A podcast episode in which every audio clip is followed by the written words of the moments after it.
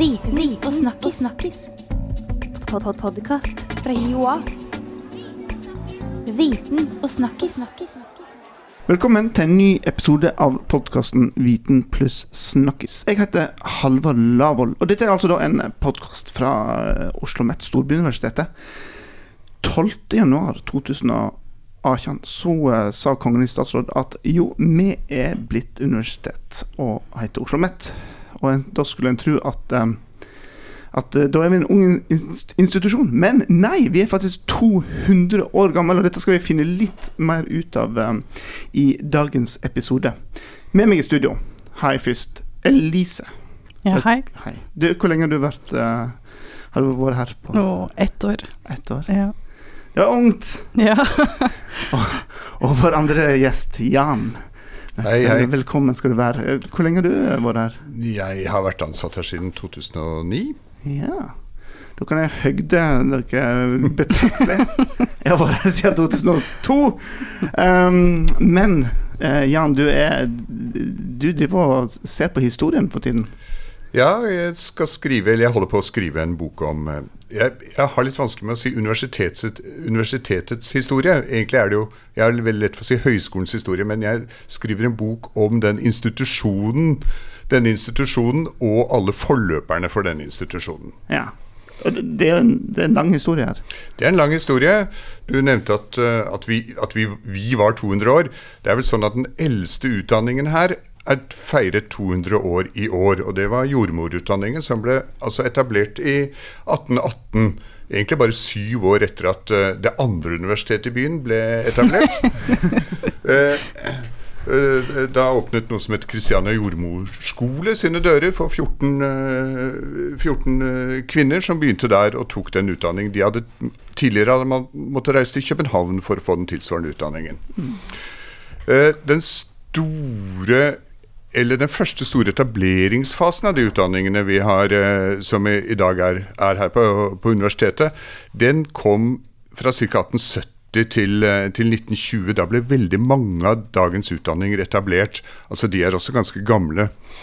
Eh, vi sitter med et for, for å hjelpe oss litt med å huske hva som har skjedd, så, har vi et, så, så er det et bilde som jeg ofte viser fram når jeg forteller, forteller om denne historien. Og det, det er bilde av fem ganske staselige kvinner rundt et bord. Bildet er fra 1904.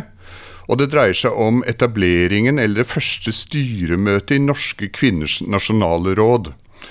Og de som sitter rundt det bordet, det er helt sentrale personer i, denne, i den tidens kvinnesakskamp. Det er eh, Karen Grude Koht, det er Fredrikke Marie Kvam, Gina Krogh, Betzy Kjelsberg og Katja Anke Møller. Og de er viktige også for, ikke bare for kvinnesak, kvinnesaken, kampen for stemmerett, de er også viktige for etableringen av utdanninger for kvinner. Utdanninger som i dag er en del av, en del av høyskolen. Og det, det dreier seg om, om eh, de var med eh, og hadde en finger med i spillet på noen av sykepleierutdanningene.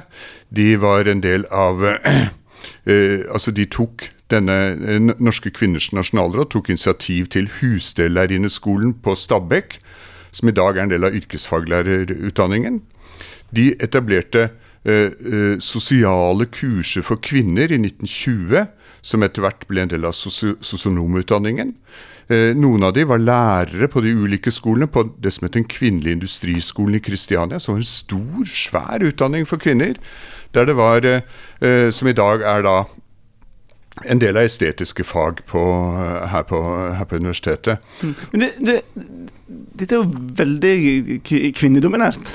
Det er veldig kvinnedominert. Det er eh, nå, nå er vi jo kvinnedominerte fremdeles. Ja, ikke sant?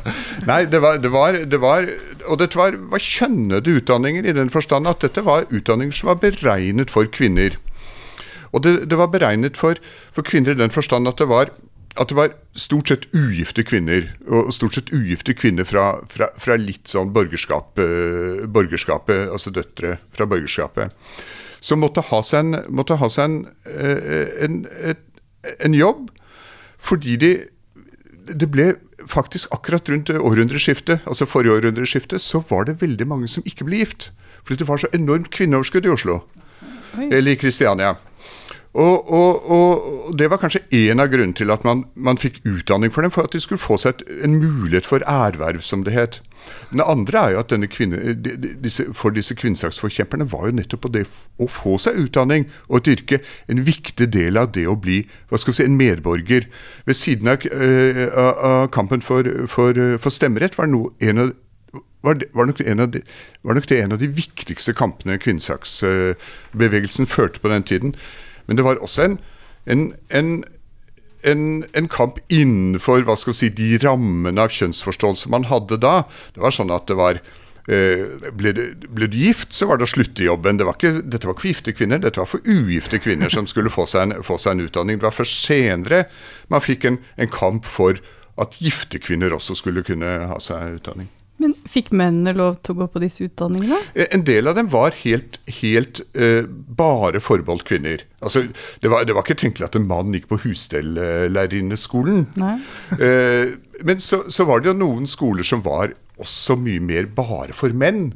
Du hadde ingeniørutdanningen, som faktisk er nest, nest, nest eldste utdanningen her på, på, på universitetet. Den var i de første 50 årene var det ingen kvinner med, ingen kvinner i eller første 45 årene. Den var så å si forbeholdt for menn.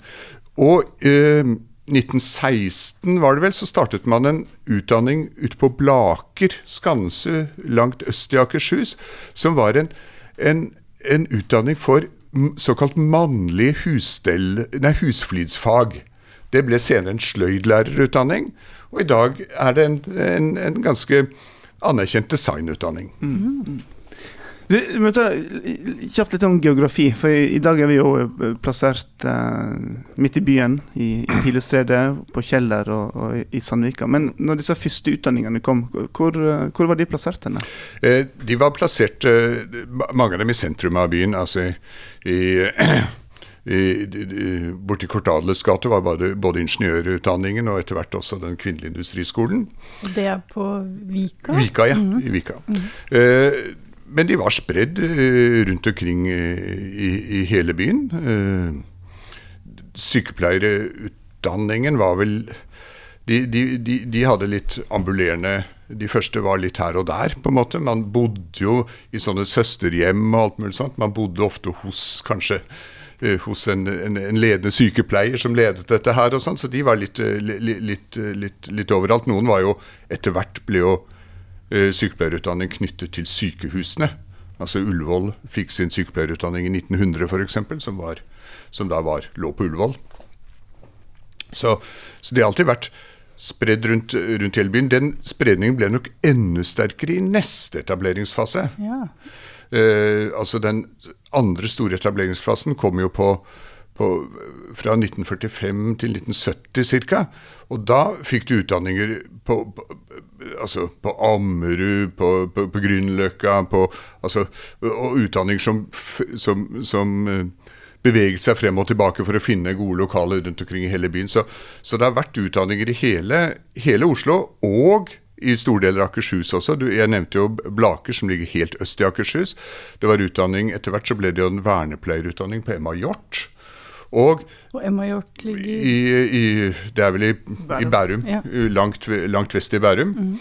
Og, eh, men det viktigste stedet var kanskje etter hvert der husstellærerinneutdanningen holdt til hele tiden, nemlig på Stabekk, på Slottet på Stabekk som det helt. Der hadde du en husstellærerinneutdanning som, som, ja, som var stor og omfattende, og som på en måte også preget hva skal vi si, Som, som var et kjent sted, da, dette slottet, som var et eh, gammel, gammel herregård. da.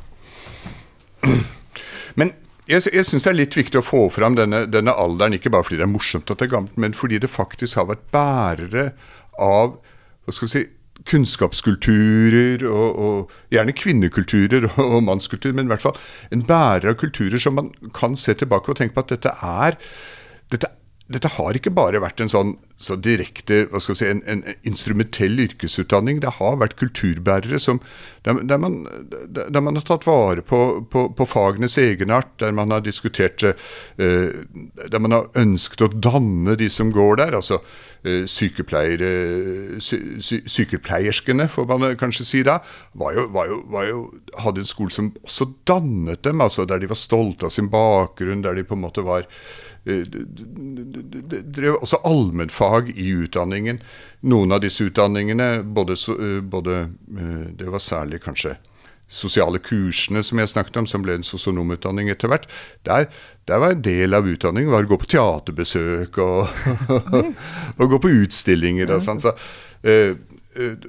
for ikke snakke om hvor det altså Lærerutdanningen har naturligvis sin kultur, og, og, og, som er viktig. Fysioterapi er en morsom historie, interessant historie. Det startet jo som en Det er røtter tilbake til en svensk utdanning fra tidlig 1800-tall, som da bare var for menn.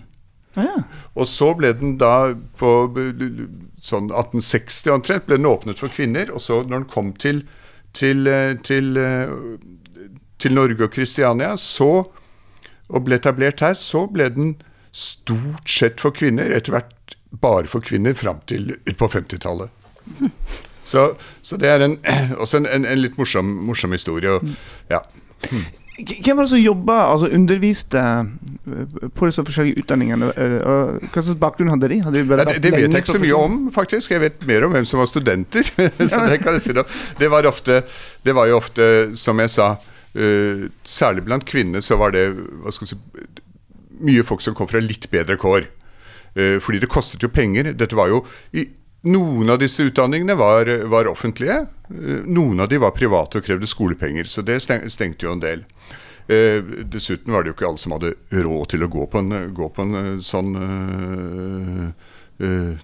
Gå på disse utdanningene, ta disse utdanningene. Det kostet jo penger å ikke Eller man jo da, kunne jo ikke da jobbe samtidig, så sånn sett, eh, sånn sett kostet det.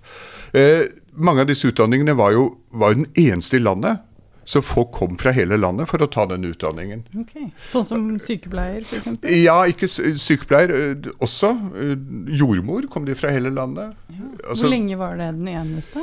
Åh, Den jordmorutdanningen, det var ganske lenge. Det har jeg ikke akkurat i hodet, men det var, det, det, var, det var, lenge. Det var den eneste utdanningen. Mm. Og bibliotekarutdanningen var veldig lenge den eneste utdanningen. Altså veldig Jeg tror det er viktig også å huske på at, at disse utdanningene som, som som i dag er en del av uh, dette, vårt universitet, er på en måte, har lenge vært de eneste, hadde, har hatt en nasjonal oppgave å utdanne for, uh, for, uh, for hele landet. Mm. Og dermed også rekruttert for hele landet, selv om hovedtyngden har nå kommet fra, fra, fra, fra Kristiania og omegn, eller fra Oslo og Akershus, som vi sier i dag. Men når det gjelder dette med det du kaller det kjønnede, da, ja. eller altså kjønnsfordelingen på utdanningene. Hvordan står det til i dag? Ja, det, som er, det, som er, interessant, er jo at, at det mønsteret som ble etablert på den tiden, det har jo vært utrolig stabilt. altså Det har jo vært der hele tiden. Det er noen utdanninger som er litt sånn tvekjønte eller tokjønte. Si. det er jo Sånn som lærerutdanningen har jo vært det hele tiden, og journalistutdanningen også, også til dels. altså Der har kvinner kommet inn etter hvert. Men men, eh, men uh, helsefagutdanningene er jo utrolig kvinnedominerte fremdeles, akkurat mm. som de var for, uh, for 100 år siden. Mm. Og, og, og, mer enn det.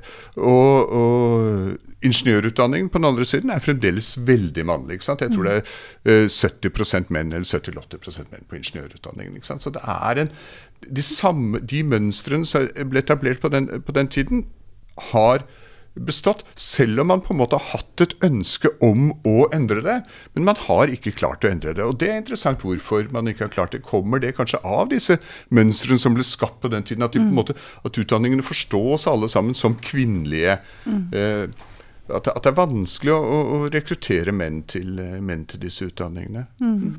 Men er det nå jeg skal stille det spørsmålet som kommer i kommentarfeltene? Hvor, hvorfor gjør det noe? Eh, eh, noen oppfatter jo det som et, eh, som et problem, f.eks. At, at guttebarn bare møter kvinnelige, kvinnelige barnehagelærere og, og småskolelærere. Mm. Det er vel noe av grunnen. Jeg vil tenke meg at, tenke meg at at, at, problemet ligger jo i at vi ønsker at folk skal, skal se at, at, man, at, alle har samme mulighet uansett kjønn. Mm. Og da er det kanskje viktig på en måte å ha flere rollemodeller i de ulike, uh, på de ulike uh, yrkesgruppene, særlig kanskje barna møter i løpet av den mm. tiden. Men man kan jo tenke seg også på sosialt arbeid. At, at det kan jo være at at uh, man gjerne vil kunne møte noen av samme kjønn eller andre kjønn eller noe sånt i, i, den prosessen. Kanskje. Det, men, men nå refererer jeg på en måte hva andre, andre oppfatter som, som problem. Jeg vil nødig liksom si hvorfor det er viktig. Jeg, jeg kan jo skjønne det, men, mm. men jeg syns jo det er, jeg synes det er interessant at det er så, det er så delt. Uh, ja. Mm. Det har jo skjedd en utligning på, på, på disse hva skal vi si, uh, prestisjeprofesjoner på universitetet, så har jo kvinner kommet inn på en måte mye større grad. og Der er det blitt mye jevnere. og Nå er det jo flertall av kvinner på, på mange av disse utdanningene som var helt mannsdominerte. Mm. De har jo ikke sett på ingeniørutdanningen her. Og du har ikke sett den tilsvarende utviklingen at menn går inn i, i, i disse kvinnedominerte profesjonene. Det har nok sin årsak at, at uh, på en måte å gå inn i de mannlige uh, prestisjeprofesjonene er på en måte å gå oppover. på en måte er en, en ambisiøs, eh, et ambisiøst forsøk. Mens, eh, mens, eh, man kan jo stille spørsmålstegn ved om, om disse profesjonene vi utdanner her, har den, den prestisjen og den statusen de egentlig fortjener. Mm. mm. Kom de første mennene inn i sykepleierutdanningen f.eks.? Oh, det var etter krigen. Jeg husker ikke helt datoen, men uh, veldig mye var knyttet til, uh, til, man, uh, til disse psykiatriske eh, sykepleierne, altså de som jobbet på psykiatriske institusjoner, der man hadde en forestilling om at man trengte litt muskelkraft for å ta vare på disse vanskelige pasientene. Og de etter hvert, ble etter hvert godtatt, fikk en sykepleierutdanning som, eh, som ble godtatt, og da kom mennene inn. Eh, jeg har ikke akkurat tallene på når disse, disse ulike kom inn, men det var jo, det var jo det var jo sent på fysioterapi og på, særlig på mensendikk den en fysioterapivariant, var det jo veldig tok det jo veldig lenge før, før det kom kvinner inn. og det, ja. Mm. Så vi snakker om, snakker om etter krigen langt oppi, for noen ut på 70-tallet. Hvorfor er det sånn at vi ikke kjenner til denne historien? Jeg ble i hvert fall veldig overrasket over, hvis vi går tilbake til dette bildet med disse staselige kvinnene som sitter der. altså hva... Eh, hva kan grunnen være til at denne historien, eller deres historie, eller ikke er så kjent? Jeg, jeg, jeg tror nok noe av grunnen er at, er at uh, det som er kjent for de som jobber her, er sin egen historie. For ja. noen, i hvert fall. Mm. De kjenner på en måte ikke mangfoldet i alle de andre Altså, de kjenner ikke til de andre fagene sin historie i sterk grad. Jeg vil tippe at en god del av uh, av de som, de, de som, jobber på sykepleierutdanningen, kjenner til historien på sykepleier. De som jobber på fysioterapi, kjenner noe av historien på fysioterapi. Mm. Selv om uh, man kan jo diskutere også om det er begrenset. Men der er, det er nok først og fremst at man ikke kjenner helheten. Mm. Det tror jeg på en måte er det viktige. Og derfor så, så, så vet Så i en forstand vet ikke uh, institusjonene om dette her. Mm. Men, men, det er da målet nå å endre litt på da, gjennom å skrive historien. At man nettopp får kunnskap om den, også den lange historien eh, til disse utdanningene. Mm. Og, og, se den i sammenheng. Eh, nå, nå har du snakka om eh, det du kalte etableringsperioden, mm, mm. Eh, som jeg skjønte sånn, fram til sånn 1920 Ja, jeg snakket om to etableringsperioder. Okay. Sto, to store etableringsperioder. Den ene fra 1870 til 1920 ca. Mm. Den andre fra, fra, 1945 til 65 eller til 70 eller noe sånt. Noe, cirka. Det er de to store etableringsperiodene. Og, og, med det mener du da kom det inn ny, etablert nye utdanninger for nye profesjoner? Ja, der kom det Ja, i all hovedsak eh, etablering av, av nye utdanninger for nye profesjoner. Eh, det er også det at f.eks. Sagene læreskole ble etablert i 45 på en måte. Det var ikke ny utdanning, en ny profesjon, men det var, en, det var faktisk den første offentlige utdanningen av lærere i i Kristiania. Den kom så sent som 1945. Hva skjedde før den tid? Nei, man hadde jo disse, disse lærerseminarene som, som, alle bispedømmene tror jeg skulle ha, på en måte. Men det lærerseminaret som var for, for, for dette området, startet først i Asker, og så ble det flyttet til Holmestrand. Mens det ble da etablert en private eh, lærerskoler i Oslo. Først en for bare for kvinner som var en fortsettelse av, av, av Nissens pikeskole. Da ble det en, en, en, lærerutdanning for kvinner. Det er, det er en komplisert historie om lærerutdanning for kvinner. De hadde først ikke tilgang til seminarene, og så fikk de noe Men samtidig så, så var det veldig mange lærerinner som jobbet i Oslo-skolen, eller Kristiania-skolen, men det, det, er også en lang historie. Men så, senere så ble det øh, Å, når var det? 19... 1911 nå er jeg, Av og til så er det litt sånn at jeg ikke husker alle tallene helt nøyaktig. Nei, det er ikke så viktig. Eksakte ting her. Men, men i, i, 1912 så ble det som, heter, det, som heter, det som da heter nye læreskolene i Kristiania ble etablert. Og det er, det, det er da av Indremisjonens, eller krefter rundt Indremisjonen. Det ble senere Oslo offentlige lærerskole, som holdt til der Litteraturhuset er nå, som er den andre delen av lærerutdanningen, altså allmennlærerutdanningen her på, på uh, Oslo OsloMet. Mm. men den ble da etablert i 1912 bl.a. for å kunne også gi menn som vil bli lærere i hovedstaden, et tilbud. For da var det faktisk bare kvinnelig lærerutdanning i, i hovedstaden. Mm. Hva gjorde de mennene som ville Nei, De måtte jo dra kanskje til Holmestrand eller noe sånt. Ja. Nå var det jo sånn at det var at, at lærer, lærerkreftene i hva skal vi si, århundreskiftet og, og, og, litt framover var jo veldig Det var to veldig atskilte grupper. Mm. Det var, det var eh, kvinner fra borgerlig, borgerskapet, altså ugifte kvinner fra borgerskapet var den ene gruppen. De var lærerinner i småskolen ofte. Og så var det gårdbrukersønner Altså fra, ikke, fra, ikke, fra, yrkene i hovedstaden, ikke fra folkehovedstaden, men fra, fra, landet da, som tok lærerutdanning. Mm. De flinkeste, på en måte, dyktigste derfra som tok lærerutdanning. Så det var to veldig atskilte uh, grupper som, var, som, ble, som, ble, lærere på den tiden.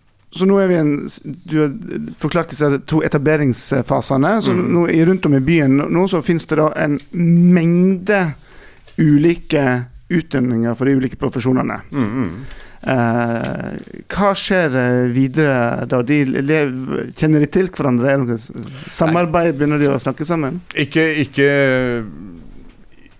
ikke når vi snakker om 60-tallet og, og, og, sånt, men så, så, får du et ønske fra myndighetene på slutten av 60-tallet om, om, å få en orden og få organisert hele det som kaller det postgymnasiale utdanningene de skal organiseres i det som het Ottesen-komiteen, som da blir satt ned og jobber med dette her. Som blir en skyteskive for hele studentopprøret sin, også. Men, men de, en av oppgavene var på en måte å få orden på, på, på, på alle disse postgymnasiale utdanningene.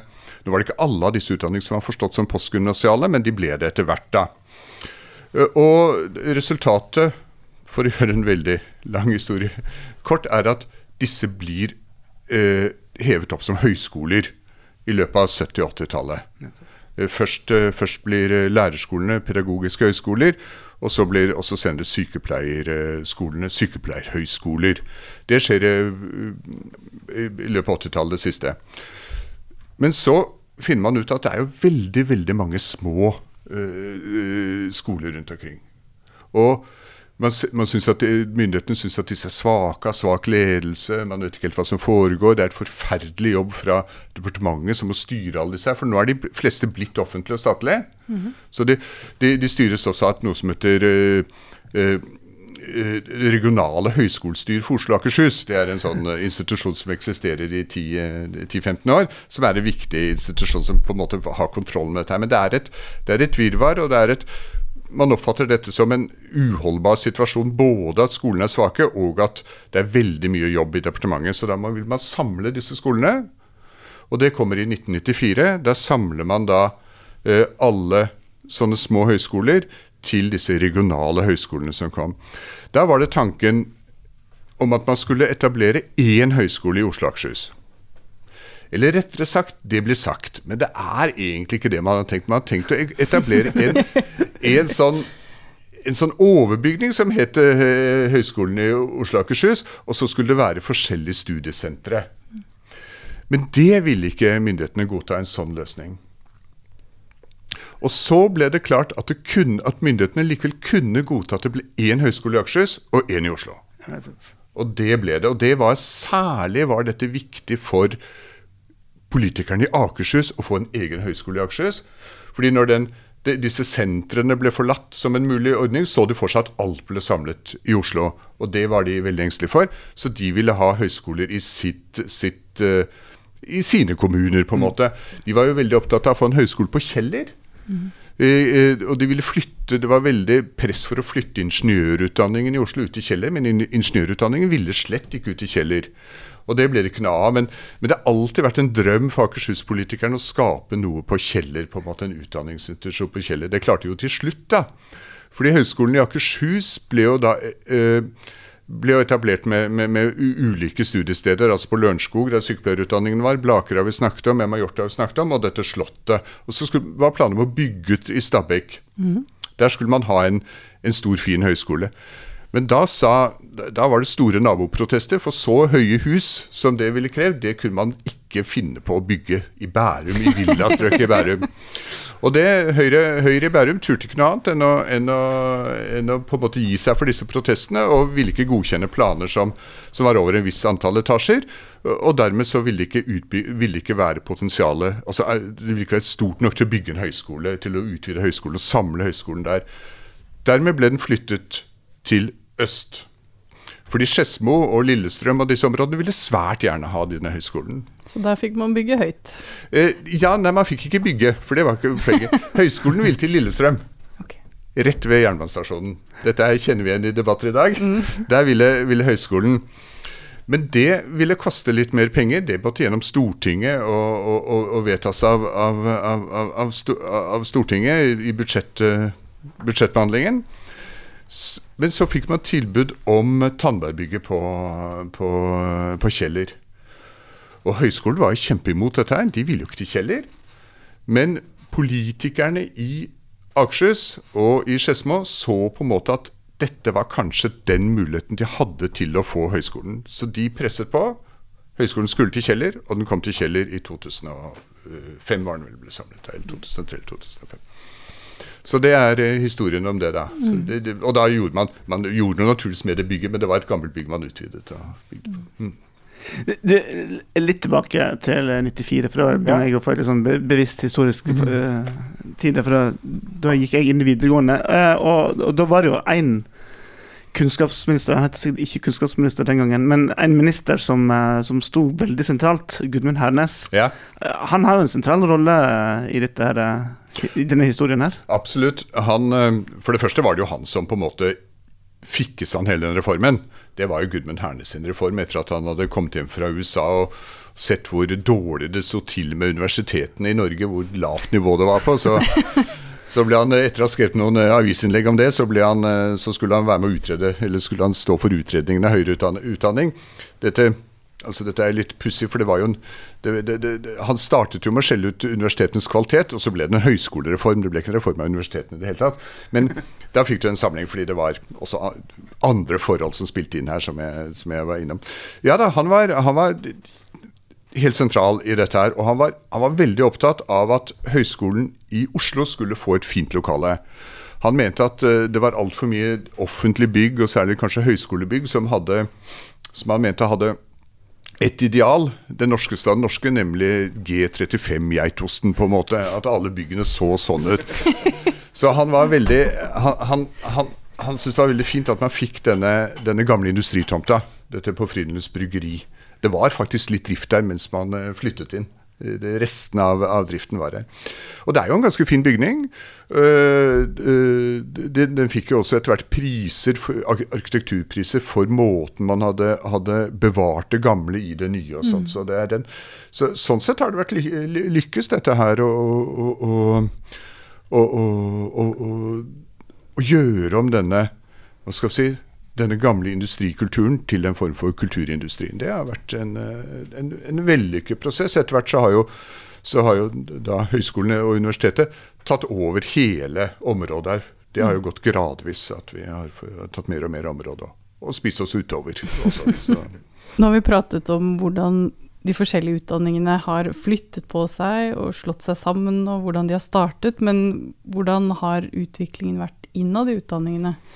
Eller den faglige utviklingen? Det har jo skjedd en, en, en, en, voldsom utdanning, nei, utvikling. Disse er jo, dette er jo, Vi snakker om praktiske fag. ikke sant? Dette er utdanning for, for praktiske yrker. Og, og, I begynnelsen var jo veldig mange av disse utdanningene også veldig hva skal jeg si, Det var nesten bare uh, en form for det, det, som vi i dag sier praksis. altså mm. At de gikk rundt på, på, de institusjonene de skulle utdannes til, og, og fikk opplæring der. Og så bitte litt teori ved siden av. Etter hvert er det blitt mer og mer teori, naturligvis. Eh, eh, du har hatt en del sånne viktige milepæler i den utviklingen. Det var når de ble høyskoler. ikke sant? Så, mm. så ble det jo eh, så, så, så, med en gang så måtte de måtte forstå at de skulle ha mer, en, større del av en teoretisk utdanning. Etter hvert så har det jo også blitt altså Når de ble slått sammen til disse regionale høyskolene, så fikk, jo, fikk man jo en felles lov for universiteter og høyskoler, og man, etter hvert fikk man oppbrukssystemer og alt mulig sånt. Sånn at høyskoler og universiteter ble på, på et vis mye likere. Og det, det, kan man se som et problem, eh, problem fordi tidligere så, så, var det anerkjent at det skulle være en forskjell mellom høyskoler og universiteter, at det var to forskjellige utdanningsinstitusjoner. Så ble det forstått som at det på en måte skulle være veldig mye likere og veldig mye av det samme. Og det som er problemet i et sånt system, der det, er at man da konkurrerer om det som gir høyest prestisje, og det er på en måte forskning. Altså hvem er best på forskning? Og da kan man si at man trekker utdanningene, de praktisk utdanning i en retning som, som, på en måte kanskje man ikke, ikke, ønsker, som kan svekke det praktiske. Samtidig, på den andre siden, så, må, så kan man også si at, at, forskning er nødvendig for utviklingen av disse praktiske fagene. At også, også disse studentene som går her, har, har, har nytte av å både kjenne til forskningen, kunne lese forskningen og kunne bruke forskningen i jobben. Det er det ikke tvil om. Så her er det en, her er det en balanse som man må prøve å finne, på en måte, som, som, man hele tiden har jobbet med. Men det er hele tiden, utviklingen har hele tiden gått i retning av hva skal vi si, en form for akademisering, som man har kalt, mm. kalt det. Mm. Vi har undersøkt dette, eller vi prøvde å undersøke dette i fjor sånn, for å se hva som har skjedd med selve utdanningene. Og det, det største, det største, endringen som vi fant, er jo nettopp at de som utdanner Du spurte om hvem som var på disse utdanningene, hvem som var lærere. De har blitt mye mer forskningsorienterte og kan mye mer om forskning. Praksis eh, det, altså Den voldsomme endringen fra praktisk til mer teoretisk utdanning skjedde nok før høyskolene ble etablert i 94. Den skjedde nok på løpet av 70-80-tallet eh, i stor grad. Eh, det er omtrent like mye praksis nå som det var da. Mm. Og man legger stor vekt på på en måte en praksisnær utdanning. Men, men, her er det spenninger hele tiden som, som høyskolene har vært i, i ja, som man ikke kan tenke seg at man ikke er i heller. Men som på en måte har vært en veldig viktig, viktig del av, av diskusjonene på høyskolen, hvordan man skal finne den balansen. Mm. Og som Halvard sa innledningsvis, nå har vi jo blitt universitet. Men når startet den prosessen? den startet for alvor i 2007. Men den har litt eldre retter den startet nok eh, På et vis så sa eh, eh, Dette er en historie i første omgang om Høgskolen i Oslo, Høgskolen i Akershus. For dem var det ikke aktuelt å bli universitet før man ble slått sammen i 2011. Men Høgskolen i, Oslo diskuterte dette med universitet alt fra de ble etablert. Da sier Steinar Stjernøy, som da var rektor, at det ikke er aktuelt. Vi skal beholde, eh, vi skal beholde vår identitet og vår særegenhet som profesjonshøyskole. Men så får du, så får du en del altså Så får du Mjøsutvalget, som det het, som åpner for at høyskoler skal kunne bli universiteter. Det, det var jo presset fram av disse Uh, uh, altså Høgskolen i Agder, uh, kanskje særlig Høgskolen i Stavanger og Høgskolen i Bodø, som på en måte ønsket å at høyskolene skulle bli universiteter, og hadde god støtte av hva skal vi si, god oppbacking av lokalt næringsliv, lokale politikere, som, lobby, som, som drev og lobbet overfor, overfor stortingspolitikere og, og, og, og departement, på en måte.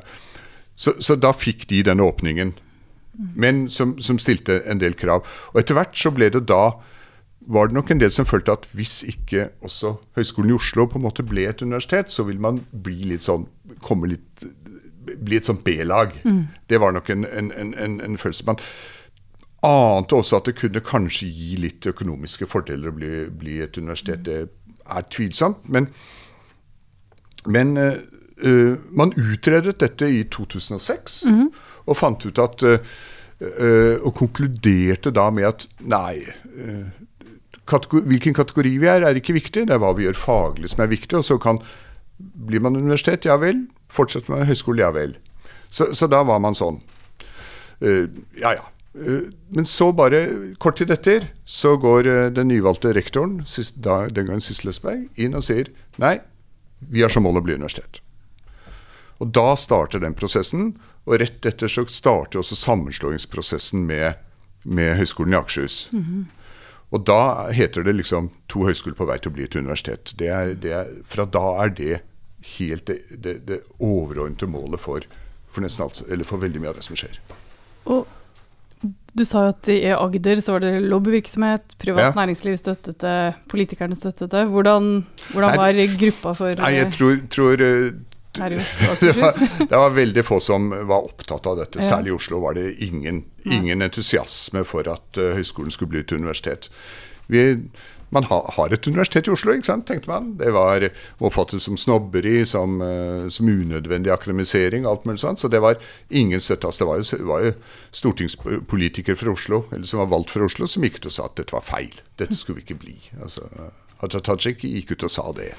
Så så, så det, var, det har ikke vært noen støtte for dette. her. Og, og det har kanskje ikke vært så stor entusiasme blant de ansatte heller. Jeg, jeg, min oppfatning er at denne universitetsbevegelsen er drevet fram veldig mye av ledelsen ved, ved høyskolen. Det har ikke vært noen stor motstand. Folk har på en måte vært mye mer opptatt av hva som ligger i det å bli et universitet, enn om man skal bli universitet eller ikke. Altså, jeg har vært opptatt av sånne ting som eh, vil, vil for mye ressurser bli trukket ut av utdanningen over til forskning? Ja, ja, det, det er sånne ting man har vært opptatt av. Vil man kunne beholde den praksisnære praksisinnretningen og alt mulig sånt? Det er det man har vært opptatt av, ikke om man skulle bli universitet eller ikke. Men som sagt, ingen stor motstand mot dette. Da, da man hadde det er valg på, på rektor, eller rektorteam, da, i, i 2011 på den samlende høyskolen, så var det ganske mye diskusjoner blant teamene. Altså ganske stor spredning og litt, litt, litt Det var litt liv og røre. Det, husker vel kanskje du som var, Ja, var her da. Og, men da var det ingen av teamene som ikke gikk inn for at man skulle bli universitet. Alle hadde det på programmet. Så, så, så det var eh, Jeg tror det er støtte for det at man blir universitet, men at man kanskje ikke syns det har vært så veldig vesentlig. Det er vel det jeg tror jeg vil oppsummere det som. Hva har det hatt å si at vi har ligget i samme by som Universitetet i Oslo? Du har vært litt inne på det allerede, men eh, har det, har det påvirka på noen Jeg- spesiell måte? Jeg tror nok det har gjort at vi på en måte i, i den politiske oppmerksomheten har vært i skyggen.